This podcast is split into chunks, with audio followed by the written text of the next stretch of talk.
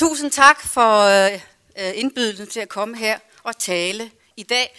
Det er jo lidt en drøm at få lov til at stå og lade som om, at man taler til Folketinget og til dermed også til hele Danmark. Øh, så det vil jeg gøre og prøve at øh, tale om, hvad ånd er, hvorfor det er på høje tid, at vi taler om det og forholder os til det, og så også nogle helt konkrete forslag til, hvad der burde indføres her i landet. så kan vi diskutere det bagefter. Da jeg i 2011 udgav bogen Den åndløse dansker, der blev jeg ringet op af Johannes Møllehave, som var i Hopla den dag, og som skældte mig ud, øh, uden jeg fik et ord indført naturligvis i telefonen, og sagde til mig, at titlen var fuldstændig forfejlet, for alle mennesker er ånd. Og det burde jeg vide, for jeg havde læst både Grundtvig og Kirkegård, så at skrive en bog med titlen Den åndløse dansker, mente han i sig selv, var øh, meget, meget dumt. Og jeg øh, valgte selvfølgelig den titel, fordi at jeg godt ville sætte tingene lidt på spidsen. Allerede dengang i 2011, der øh, talte vi jo også om, hvad ånd er, og hvorfor det muligvis var relevant at tale om, at vi i Danmark har for lidt øh, bevidsthed om ånd. Og nu er det virkelig på tide, at vi prøver at forstå, hvad ånd egentlig betyder. Og noget af det første, man gør, det er jo at prøve at sondre mellem ånd og sjæl. Fordi sjælelivet taler man noget lettere om end åndslivet. Sjælen er jo et slags øh, øh vidnesbyrd om, at vi øh, har følelser og er noget andet end dyret, og har samvittighed i meget udtalt grad. Men ånd er noget andet. Og for at definere, hvad ånd er, så skal man både ty til Grundtvig, og det kommer lidt senere, men man skal også ty til Kirkegård. For Kirkegård har også skrevet nogle ret kloge ord om, hvad ånd er. Vi er vant til i landet at tale om vores følelsesliv. Vi lever i en følelsesepoke, kan man nærmest godt kalde det, hvor menneskets følelser er blevet ophøjet til en slags myndighed.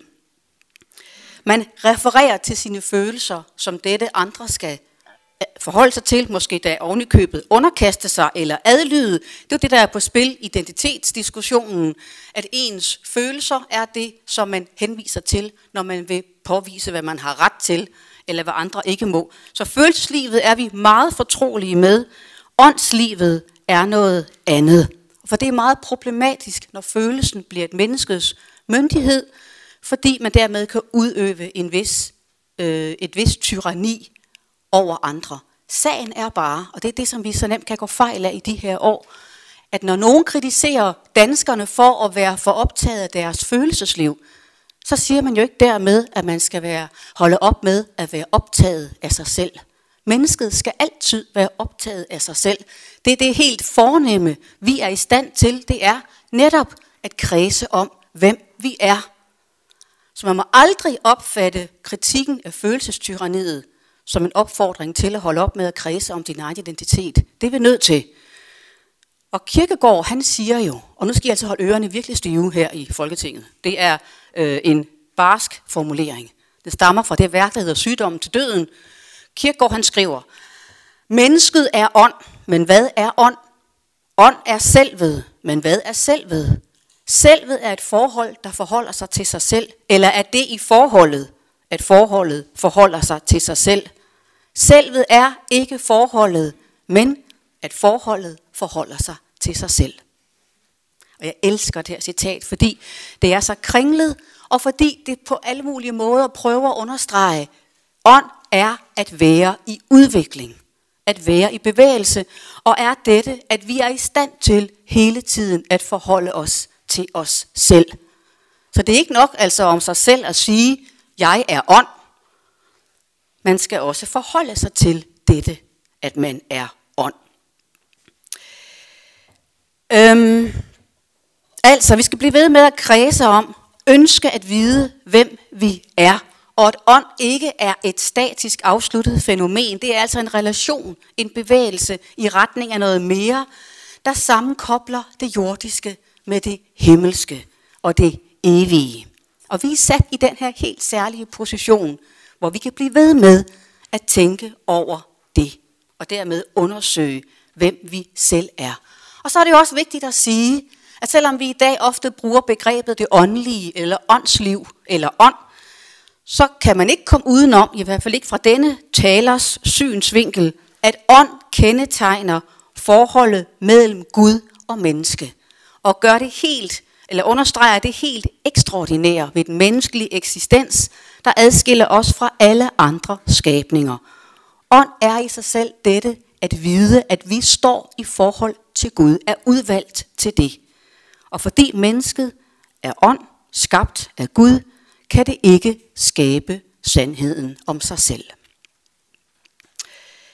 Så allerede nu kan I nok høre, er vi langt fra det mere sådan gængse følelsestyranni, hvor mennesket kæmper for, individet kæmper for at sætte alle de vigtige ord på sig selv, for Gud er en del af åndsforholdet. Selvom det er blevet angrebet fra mange sider gennem den danske historie. Georg Brandes prøvede jo i sidste i 1800-tallet at rive mennesket ud af Guds forholdet, eller i hvert fald fortælle det, at det skulle tænke meget mere selvstændigt, end han mente Guds forholdet opfordrer til. Og vi lever i den her meget berømte sekulære, nærmest måske for nogens vedkommende, gudløse periode, hvor man meget nemt glemmer, at Gud altså er et element i dette at være ånd. Det vi til gengæld kan mærke, og det kan man sandelig også mærke i den politiske retorik, det er jo, at mennesket samtidig bliver opfattet som et ganske enestående væsen, der kan udrette det mest utrolige. Man skal altid gøre sig selv den tjeneste og gå ind og prøve at høre, hvordan der bliver talt. Ikke mindst blandt politikere, og også blandt journalister. Der er en eller anden underlig broderskab sprogligt mellem journalister og politikere. Det er dem, der sammen degenererer det danske sprog langt hen ad vejen i deres mange dårlige vaner og sprogafsmitning. Men det, som sker i det her sprog, som ophøjer mennesket og individet til at være noget ganske særligt, det er, at der opstår en bestemt blanding af utålmodighed og selvovervurdering. Der tales hele tiden om at skabe verdens lykkeligste mennesker, verdens mest vidende samfund, det mest innovative generation nogensinde, og væksten og volumens ånd eller sprog er absolut blevet sluppet løs i sådan et noget forpustet amokløb efter at skabe den mest ideelle tilstand for alle mennesker i samfundet.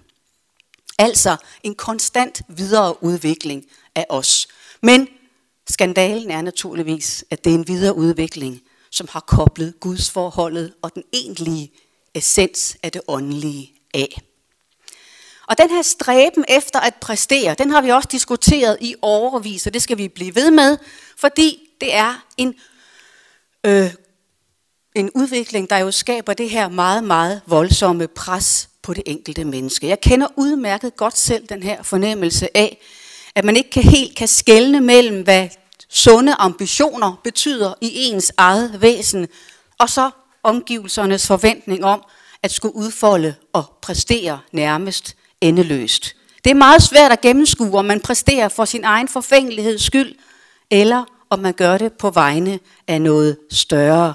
Og jeg tror, en vigtig del af svaret på gåden er at forstå, at bevidstheden om ånd er blevet for svag. For når ikke man har denne forankring i sig selv, og i en tanke i det mindste om Gud, så er man kun forankret i sin egen iver og sin egen præstation. Og det kan intet menneske i længden holde til. Jeg bliver meget ofte spurgt om af folk, øh, hvad de skal gøre for at komme til at mærke mere åndfuldhed i deres liv. Og det er meget svært at svare på. Øhm, det har en fornemmelse, jeg har at gøre med en fornemmelse, som mange mennesker har af, at der er noget meningsløst ved at være sat på jorden. Man kan ikke sanse retning og mening og livsfylde. Og jeg er i hvert fald overbevist om, at bevidstheden om ånd og det guddommelige kan berige ens tilværelse på en helt særlig måde og forsyne det med en alvor og en meningsfuldhed, der er med til at holde os fast i verden og mærk den her nødvendighed af, at man skal leve. Her godt og vel midt i livet, der står det mig mere og mere klart, at vi i den her historiske epoke med en noget øh, udpint religiøs tradition, bliver nødt til at overveje, hvad det gør ved mennesket at leve i den tilstand. Og der vil enhver, tror jeg, vi taler ikke om den store, samlede, åndelige vækkelse i Danmark. Det bliver altid spurgt om, når jeg er ude i det foredragsland, Clemen taler om. Tror du på en åndelig vækkelse i Danmark? Øh, I stor forstand, nej. Det tror jeg ikke på. Dertil er vores individuelle øh, epoke nået for langt. Vi får ikke en vækkelse i grundfisk forstand igen. Næppe. Men jeg tror til gengæld på, at vi i højere og højere grad kan se, især hvis man bliver an, øh, opfordret til det, kan se, at den enkelte får større bevidsthed om, hvad man længes efter. Man længes efter at komme ind til den her gåde, Grundtvig taler om, som mennesket er. Man længes efter at føle sig virkelig forankret i verden. Man længes efter den her mening, og man længes i sidste ende, og det vil jeg ikke komme så meget mere ind på i dag, for det er et andet emne. I sidste ende er jeg slet ikke til kun i tvivl om, at det mennesket længes efter, er at kunne tro på evigheden. Og det fordrer sandelig også, at man forholder sig til ånd i denne her afmystificerede, moderne verden, proppet med velfærd, masser af selvironi, så meget ironi, at selv dronningen forleden aften skulle lægge ryg til det på pinlig vis, og en ironi, som i den grad, og sarkasme, som i den grad i årtier har gjort det nærmest, i min forstand, en lille smule uværdigt at være menneske. Og hver gang svarer jeg jo til det her menneske, der kommer til mig og spørger om, hvordan får jeg mere åndelighed i mit liv? At det er der ikke noget klart svar på. Men det er jeg så overbevist om. Og det, som jeg tvivler på, at ret mange politikere i dag forstår, det er, at mennesket hver eneste dag formes af det, det gør. Vi bliver, hvad vi gør. Så man kan med årene komme til at indse, hvor meget man har lavet sin personlighed inficere af sprogets vandrygt, af tempoet derude, og ikke mindst af den tanke, jeg var inde på før, at man hele tiden skal præstere noget og skille sig ud som et individ.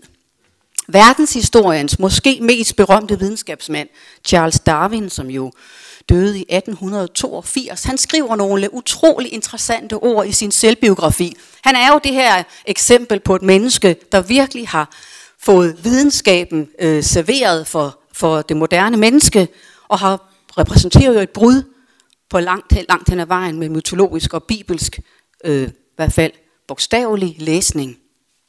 Og han begyndte at overveje, hvad det gjorde ved ham at leve et liv i omgivet af målbare observationer og konkret viden og rationel tænkning og logik.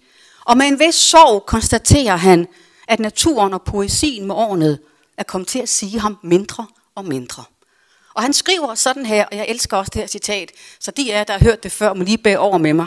Han siger sådan her, indtil 30 års alderen havde jeg en hel del glæde af poesi, Milton, Byron og andre, men i mange år har jeg nu ikke mere kunnet udholde at læse blot en enkel verselinje. Allerede som dreng dyrkede jeg Shakespeare, navnlig hans historiske skuespil, men da jeg for ikke så længe siden prøvede at læse Shakespeare, fandt jeg ham så utålig kedsommelig, jeg har bevaret lidt af min sans for de smukke landskaber, men det giver mig ikke mere den udsøgte glæde, som den gjorde engang. Min ånd synes at være blevet et maskineri, der kværner almengyldige love ud af store ophobninger og erkendskærninger. Men hvorfor det har bevirket et svind i den del af hjernen, der er forudsætningen for de højere interesser, kan jeg ikke begribe. Det synes jeg er tankevækkende. Vi mennesker bliver produkter af det, vi gør, af det, vi tænker, og af det, vi siger til hinanden. Og hvis vi skridt for skridt vender os til at ikke gøre os overvejelser om ånd, om det religiøse, om evighed, om natur, om poesi, klassisk musik, alt det, der virkelig inspirerer de højere interesser, så kan man måske med tiden helt miste kontakten til dem. Man opbygger et billede af sig selv, som en, der fungerer bedst i de her tankerækker, og ikke for alvor har brug for andre. Og det kan meget længe føles både trygt og genkendeligt at leve på den måde, også fordi man ser omkring sig, at rigtig mange andre gør det. Men en dag kan der måske opstå en tanke, som der gjorde i Darwin, af, at det fører til noget tomt. at man mister simpelthen en del af sine egne forudsætninger for at forstå, at man er ånd. Og når man lytter til en stor del af den samtale, der foregår her i landet i disse år, angående livet og lykken og meningen og vemodet og angsten og diagnoserne, alt det vi taler så meget om, så mindes man om i hvor høj grad vi selv risikerer at størkne på lignende vis, fordi vi simpelthen har glemt, hvilke dybder vi rummer. Og jeg er helt overbevist om, at når vi oplever, at mange mennesker i dag trækkes med vemod, forvirring, og måske endda en følelse af manglende insisteren på virkelig at have lyst til at leve fra dag til dag, så har det at gøre med, at man ikke kan finde flere kræfter inde i sig selv. Og så opstår alle de her, nu siger jeg lidt frægt, og han ved godt, at jeg siger det her ord, brinkmandske forkyndelser, som har præget vores samfund i mange år, hvor man taler til det menneske, man egentlig opfatter som relativt velfungerende og siger, du skal tale med dine venner, du skal læse gode bøger, du skal gå på Luciana, du skal sørge for at få mere mening i dit liv, du skal selv opsøge det. Og det er en tiltale, der ligger på overfladen. Den har ikke at gøre med ånd, den har at gøre med almindelige velfærdsmuligheder for at nyde livet og tænke sig lidt mere om og få lidt mere stillhed til hverdag. Og det er alt sammen godt. Det er bare ikke nok. I den her boble, vi lever i, der er ånd typisk blevet reduceret til et slags plusord, som enhver er fri til selv at definere, fordi der ikke er nogen fælles betegnelse eller fælles erkendelse af, at Gud findes. Det skulle jeg ikke have sagt så højt, men det har jo sin egen effekt. Og skønt det kan lyde paradoxalt, så er det i sidste ende barmhjertigt at blive ved med at minde mennesket om, både at det er skabt af Gud, og det er faldet ud af Guds hånd for igen at kunne længes efter at blive samlet op. Det er jo den kristne grundfortælling om mennesket. Det er skabt i Guds billede, det er faldet ud af det billede, og det længes resten af livet efter at blive samlet op igen. Det er fortællingen om mennesket. Den er blevet frarøvet det moderne menneske, som i stedet for har fået at vide, at det ikke er faldet nogen steder, at det er underligt som det er, og det bare skal finde alle de kræfter inde i sig selv, som det har, og aldrig har mistet. Det er det største pres, man kan lægge på individet, det er at fortælle det, du har alle kræfterne selv, find dem dog. Hvad siger tiden, Clement? Ja, Ja, det gør jeg. Derfor så skal jeg øhm, sige, at inden jeg kommer med mine konkrete forslag til, hvad man kunne overveje at gøre, så vil jeg sige med Grundtvig i tankerne, og jeg er meget, meget glad for, at vi startede med at synge Alt hvad som fuglevinger fik. Det er simpelthen en af Grundtvigs aller smukkeste digte. At ånd, eller manglen på ånd, kan mærkes gennem måden, vi taler på til hinanden. Det gennemtrænger vores sprog, det gennemtrænger vores tænkning, og det gennemtrænger den her længsel efter at forstå, hvad det er for en mærkelig gåde, vi er. Hvis mennesket kommer væk fra den fascination ved at være en gåde, så har det mistet en meget stor del af sin lykke, sin mulighed for lykke og sin mulighed for at virkelig elske at være i verden. Jo mere vi taler om ånd, jo mere vil det også komme til at præge vores syn på samfund, på folkeskole, på kunst, på familien, på køn og på forholdet mellem det, individet skal udrette selv, og det, det skal stole på, at det modtager i kraft af, at det er skabt. Jeg taler på ingen måde om at sammenkoble religion og politik, det giver sig selv, men det er bare sådan, at religiøsiteten i et menneske kommer til udtryk i alt det, som det menneske siger. Og selvom jeg godt ved, at det ikke er fuldstændig realistisk, for ikke at sige nærmest decideret urealistisk, så tøver jeg ikke med at mene, at vi i Danmark ville være godt tjent med flere troende politikere. Der er ikke mange af dem i dag, så vidt jeg ved. Man skal ikke blande sig i andre menneskers trosliv. Øh, men det kan simpelthen mærkes på den politiske samtale, på visionerne om samfundet, på menneskesynet, der herver, om den, der taler og tænker og lovgiver, ser sig selv stående i forhold til en guddommelig myndighed eller ej. Så jeg vil gerne slå et slag for, jeg ved ikke helt, hvordan man griber det an, men jeg vil gerne slå et slag for, at vi her i landet får flere, øh, eller forstår værdien af, og det siger jeg til alle mennesker, men jeg siger det sandelig også til vores politikere, forstår værdien af som enkelt menneske at søge efter at komme til at tro. Mange politikere, samfundsdebattører og andre mennesker, de bruger i dag kristendommen som byggeklods, som et taktisk middel, som en formulering, som de siger, dette er vigtigt, at vi har i vores kultur, i vores samtaler, vores bevidsthed. Og de gør det, som Brinkmann også advarer mod, det instrumentaliserer kristendommen som en brik i det store puslespil. Og det kan vi ikke blive ved med at holde til, han har sagt, og det bliver ikke ved med at give mening. Per Stig Møller, det tidligere konservative folketingsmedlem, har engang sagt, at politik er ikke alt. For bag det politiske, siger han, skal der i en politiker være et rum af personlig og perspektivrig tænkning, der går forud for det politiske. Det er det rum, det i dag kan være så svært at mærke, når politikere taler. Hvad er det for et rum, de taler ud fra? Hvad har de gjort sig af tanker? Og nu stopper jeg. Jeg kan sikkert komme tilbage til nogle af alle de her ting bagefter. Men jeg skal lige sige nogle konkrete ting, jeg ville foreslå her på Folketingets åbningsdag, som vi skal indføre i Danmark. Vi skal have mere kristendoms undervisning i folkeskolen, også historieundervisning. De to ting er nært knyttet sammen. Vi skal så vidt muligt have computere ud af folkeskolen, så børn får lov at udvikle en håndskrift og læse fra papir. Det er en af de helt klare veje i min verden til at komme i kontakt med sig selv som et åndsvæsen. At man skriver sine egne bogstaver og ikke er slaver af maskiner.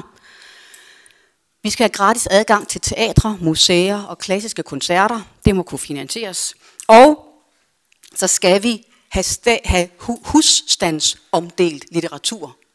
Der skal bringes romaner ud i alle husstande i landet, og så har folk en mulighed for at sætte sig til at læse. Ingen tvang, men et lille, frisk opfordring til at få læst noget litteratur i alle danske hjem. Jeg stopper nu, for at sikkert mulighed for at uddybe noget senere. Tak for ordet.